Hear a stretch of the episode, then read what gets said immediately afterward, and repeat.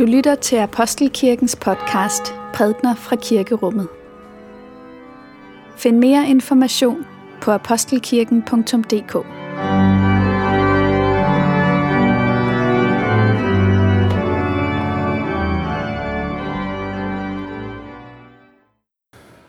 God søndag formiddag alle sammen.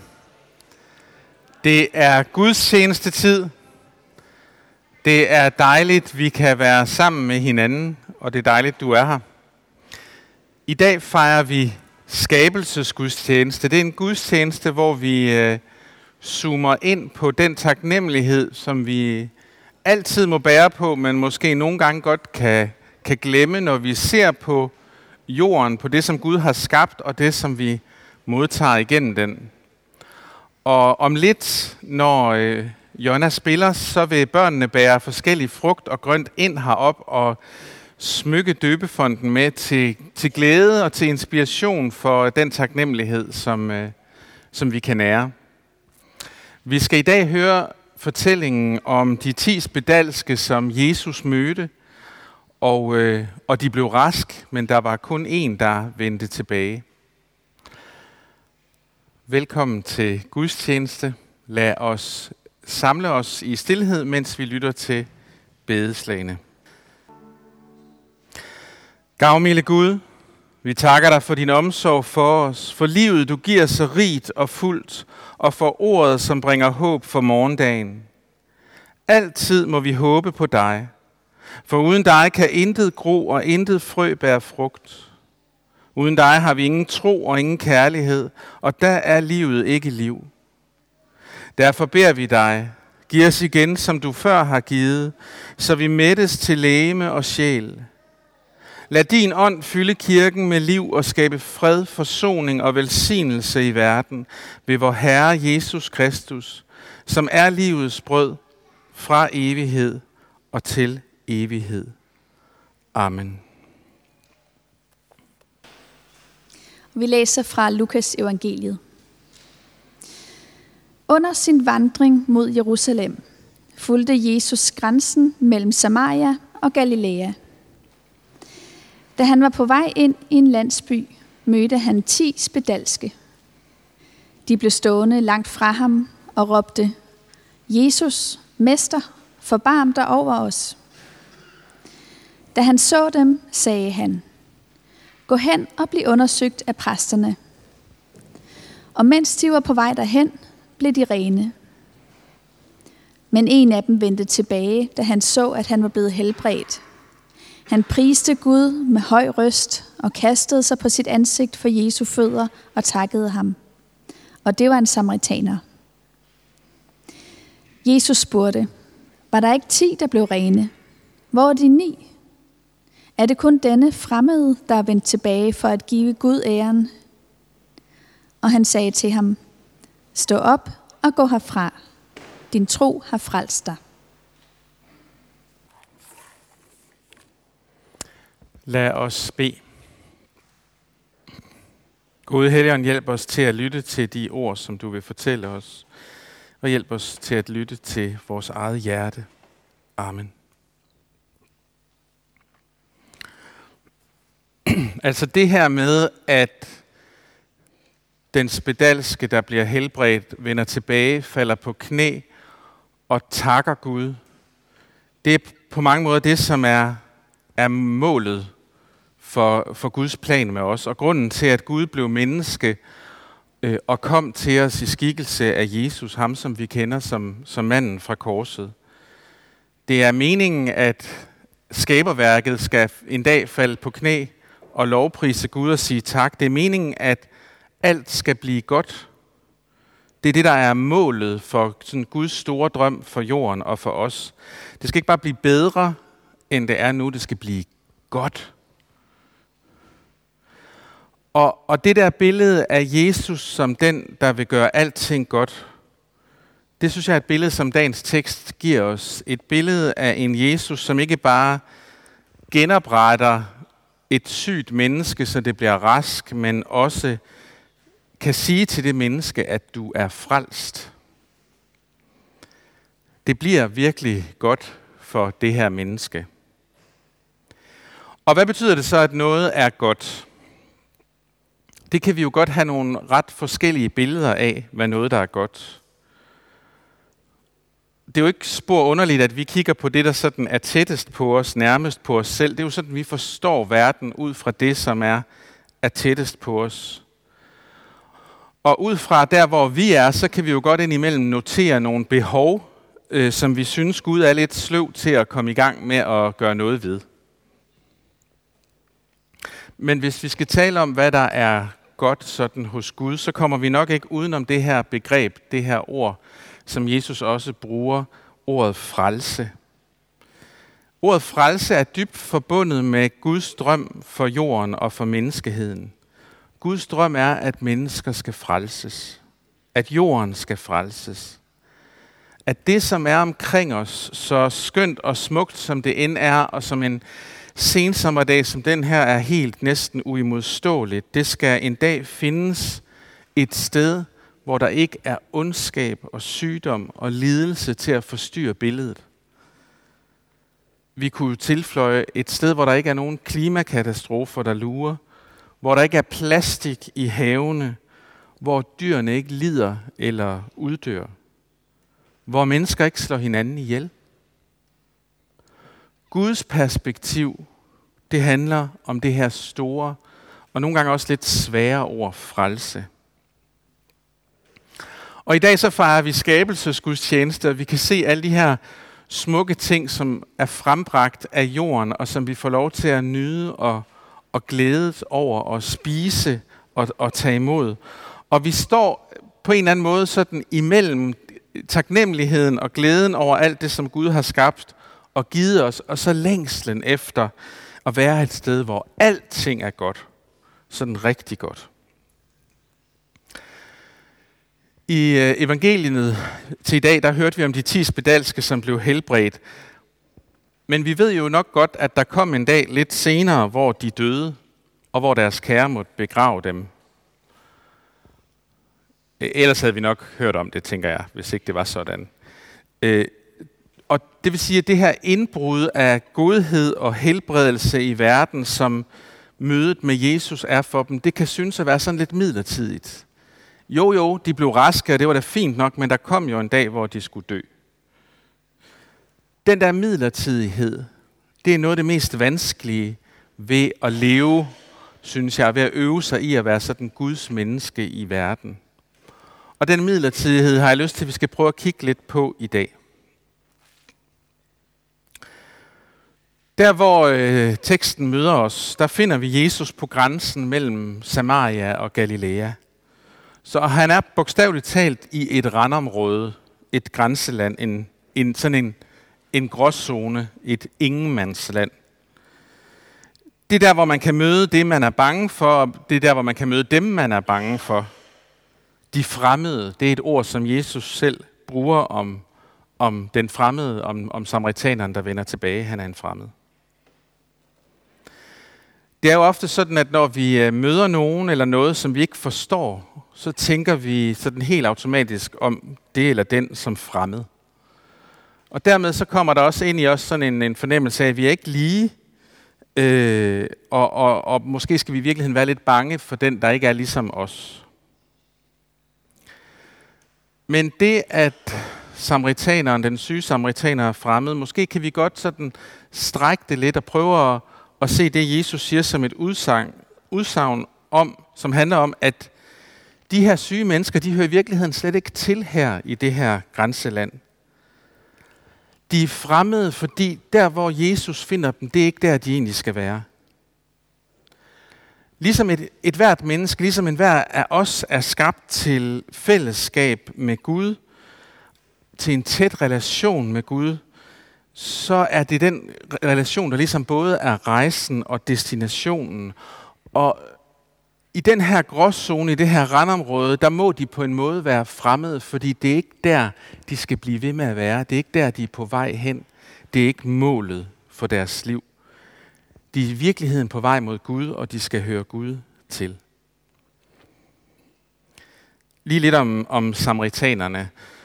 Fordi For mange jøder så repræsenterede det samaritanske folkeslag sådan den mest nærværende repræsentant for det, man sådan oplevede som fremmed. Altså mennesker, som adskilte sig fra, fra flertallet. Og der var en problematisk relation mellem, mellem det jødiske og samaritanske folkeslag, selvom de var meget nært beslægtede. Sådan er det jo nogle gange, at det er dem, man har det sværest med, er dem, man ligner mest. Samaritanerne, de troede ikke på Gud på den rigtige måde.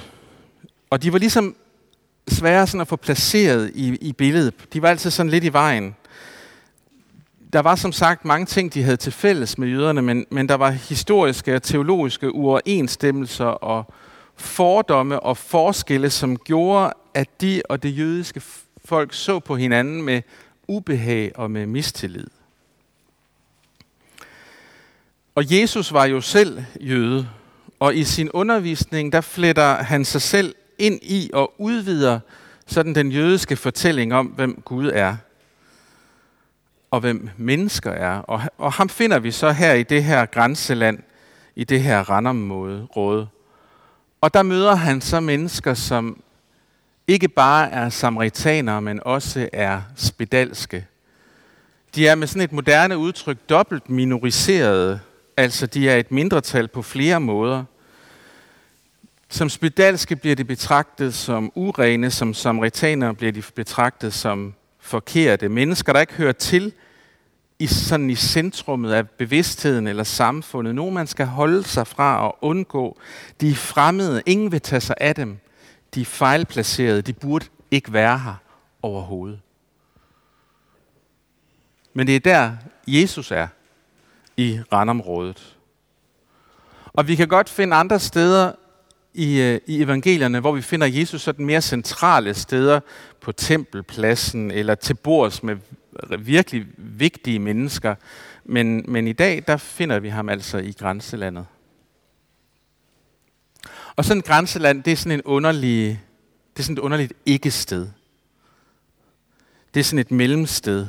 Det er sådan et sted, man skal passere. Det er et sted, hvor man i virkeligheden er på vej videre. Det er ikke et sted, man skal opholde sig i lang tid. Det er aldrig destinationen, men altså til synlande, så er der nogen, der bor der. Jeg tænker indimellem, at vi øh, her, hvor vi lever, det er sådan et grænseland på en eller anden måde. Vi, vi har en fortid, som, som kan være så, så tydeligt defineret, både vores sådan personlige fortid, hvor vi kommer fra, vores familier og hvordan de har påvirket os, men også sådan historien, det der var, som har formet de fortællinger, vi ligesom har arvet og lever ind i. Ikke? Der var Slesvig og Sovjetunionen og slaget på Reden, og der var dronning Margrethe den Første og D-dag og Genghis Khan og sådan noget. Ikke? Altså, der var en hel masse ting, som er sket, beslutninger, som er blevet taget, og som til stadighed påvirker den måde, vores verden fungerer på, og som påvirker, hvordan mennesker lever med hinanden, kommer i krig med hinanden, bliver uvenner med hinanden. Folkevandringer, idéer, der opstod, som former os og har gjort os til dels til de mennesker, som vi er i dag. Det er den ene side, det er, frem, det er fortiden. Men så er der jo på den anden side fremtiden. Og den ved vi jo ikke så meget om. Vi ved ikke, hvad der venter derude. Formodentlig ikke hverken Genghis Khan eller dronning Margrethe den første, men, men vi ved jo ikke, hvad der kommer. Men vi bliver hele tiden fortalt, at vi skal frygte fremtiden. At den er uvis. At der er noget, der tyder på, at den bliver tungere og sværere og grimmere. Og så er vi her i, i, i den her mellemtid, i, i det her grænseland mellem det, der var, vi, vi kommer et sted fra, og vi er på vej et sted hen, og nu er vi her. Og hvad er det så, som vi ligesom er blevet overladt? Og hvad er det, vi efterlader til dem, som skal komme efter os? I dag, som sagt, så takker vi Gud for hans godhed, for det helt mirakuløse i, at man kan lægge et frø i jorden, og så spiger der noget op, som kan betage os med sin skønhed, og som kan nære os og som kan give os liv. Vi høster frugt, vi tager imod varmen fra solen i dag. Vi klæder os i bomuld og i uld, som jorden også har frembragt. Og vi ser på hinanden her i kirken og glæder os over, at vi kan være sammen med hinanden, selvom vi er meget forskellige, og selvom vores fortider ser meget forskellige ud. Vi glæder os over, at når vi kommer herind i kirken, så er der ikke nogen, der skal føle sig som en fremmed. For her er alle kendt af Gud, den Gud, som ønsker at tage imod hver af os. Og vi tager imod nadvåren, og vi drikker kirkekaffen ude i øh, gårdhaven, og vi tager bussen eller cykler hjem, og vi glæder os over, at vi kan bo i et land, hvor der er en udpræget frihed til at lytte til Guds ord, Guds løfter. Og så kan vi i aften tage en dyb indånding og tænke, at det er mandag i morgen, og, og så prøver vi at komme igennem den uge, der ligger. Det er også en del af mellemtiden. Det smukke og det gode, det som Gud har givet os og varme os ved her i grænselandet. Men det fjerner ikke fra grænselandslivet, at vi til synligheden er på vej mod noget, vi ikke kender. Vi, vi hørte nogle fantastiske ord fra det gamle testamente fra salmisten, som talte om, at vores skyld skal tilgives, og vores sygdomme skal helbredes, og vores liv skal krones med godhed. Prøv lige at smage på det. Vores liv skal krones med godhed. Og, og vi må godt i det, tror jeg, lytte til sådan et profetisk løfte om noget, der kommer en dag. Det, som jo på en måde allerede er kommet med Jesus. Men ligesom frøet, der er blevet lagt i jorden, så vokser og gror det, og en dag, så skal det bryde endeligt igennem på sådan en måde, at der intet ondt er, der kan få plads hos os længere. Og det er der, vi er på vej hen. Det er der, vi skal på vej hen. Og når vi lytter til velsignelsen i slutningen af gudstjenesten, hvor, vi, hvor, hvor der bliver sagt, at Herren vil bevare os, så er det det, han vil her i randområdet. Han vil bevare os, indtil vi når destinationen. Gud vil bevare os. Det er, det er virkelig dybe ord. Og i velsignelsen, så bliver der ikke sagt, at Gud vil passe på os. Det her ord med at bevare os, det siger på en måde noget andet. Det siger, udtrykker på en måde det, som er Guds drøm for os og for menneskeheden.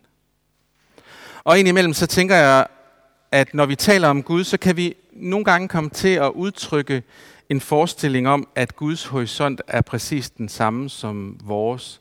Altså at det, som vi ser, at vi har behov for, kommer vi i den måde, vi taler om Gud på, til at tillægge, tillægge Gud. At det, som vi ser som vores største problemer, det er rent faktisk også dem, der er det. Jeg siger ikke, at Gud er ligeglad med det, som som udfordrer os. Men vi må ikke tabe af syne, at den Gud, vi møder i de bibelske tekster, han har et andet perspektiv. Han ser ligesom flere dimensioner. Se blot teksten i dag. Gud helbreder mennesker, der er syge, men han binder det sammen med, at de skal frelses.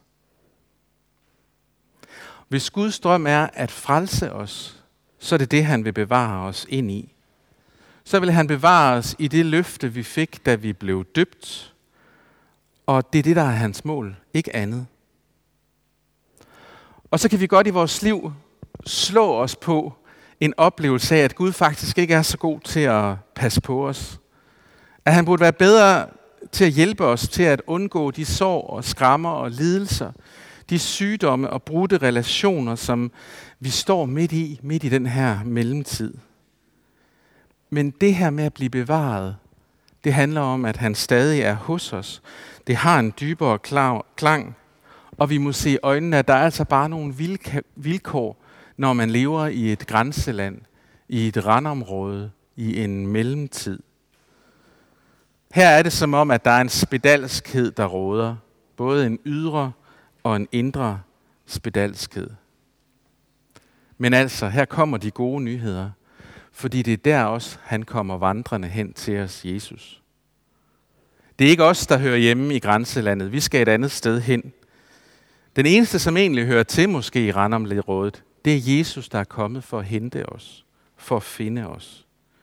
Og det er en del af planen, og det er en del af grunden til, at han blev menneske. Han blev sat her i mellemtiden, i grænselandet, i randområdet, fordi han ønsker at møde enhver af os Fordi han ønsker at finde en hver af os. Fordi han ønsker at frelse enhver af os. Og vi kan møde ham, når vi sådan lidt haltende forsøger at få vores dage til at hænge sammen. Når vi overvældes af bekymringer, og når livet gør ondt. Når vi tænker på fremtiden med stor gru og, øh, og frygt, så må vi vide, at her hvor vi er, der er vi ikke alene. Ham, han, er, han er her. Ham, som er kommet for at hente os. Ham, som er kommet for at bevare os. Og ham, som er kommet for at frelse os. Og derfor så siger vi lov og tak og evig ære være dig, hvor Gud, Far, Søn og Helligånd. Du som var, er og bliver en sand treenig Gud. Højlovet fra første begyndelse nu og i al evighed. Amen.